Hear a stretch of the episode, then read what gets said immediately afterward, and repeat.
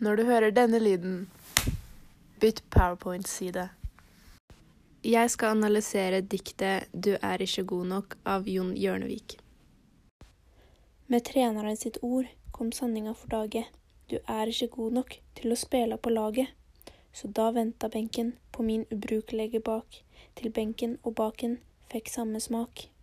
Det var benker i tre og i kald betong, på benk etter benk en heil sesong.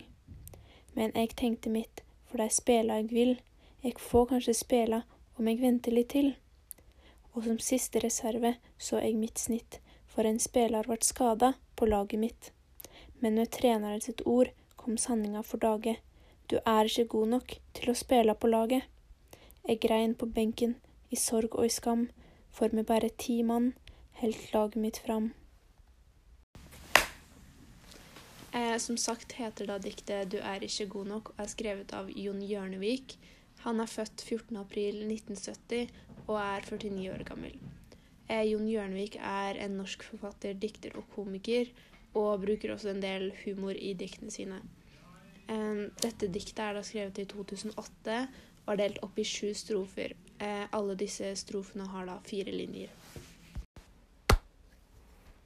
Eh, diktet handler da om en person som ikke får lov å være med å spille, og som må sitte på benken gjennom en hel kamp. Em, treneren sier også at han ikke er god nok til å spille, da, noe som er ganske dumt, fordi i lagspill så må jo alle få lov å være med å spille.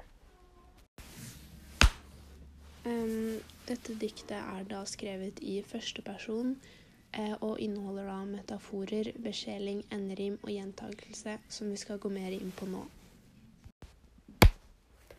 Eh, først har vi jo metaforer, em, som er på en måte noe som er skrevet som ikke sannsynligvis betyr akkurat det som er skrevet, da.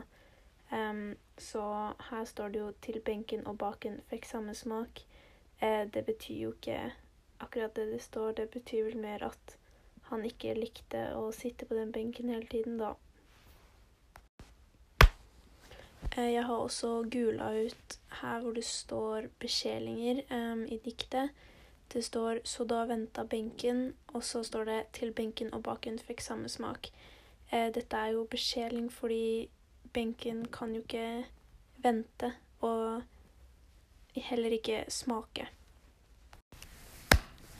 Ja, diktet inneholder jo også enderim, eh, som i dette tilfellet er at siste ordet i linje to rimer på siste ordet i linje fire i hver strofe, da.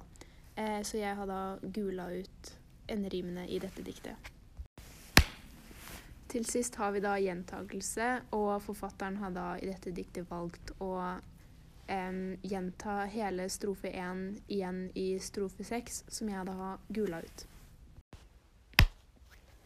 Eh, Min tolkning av dette diktet er jo Det tar jo opp et ganske alvorlig tema, og handler jo også litt om fair play.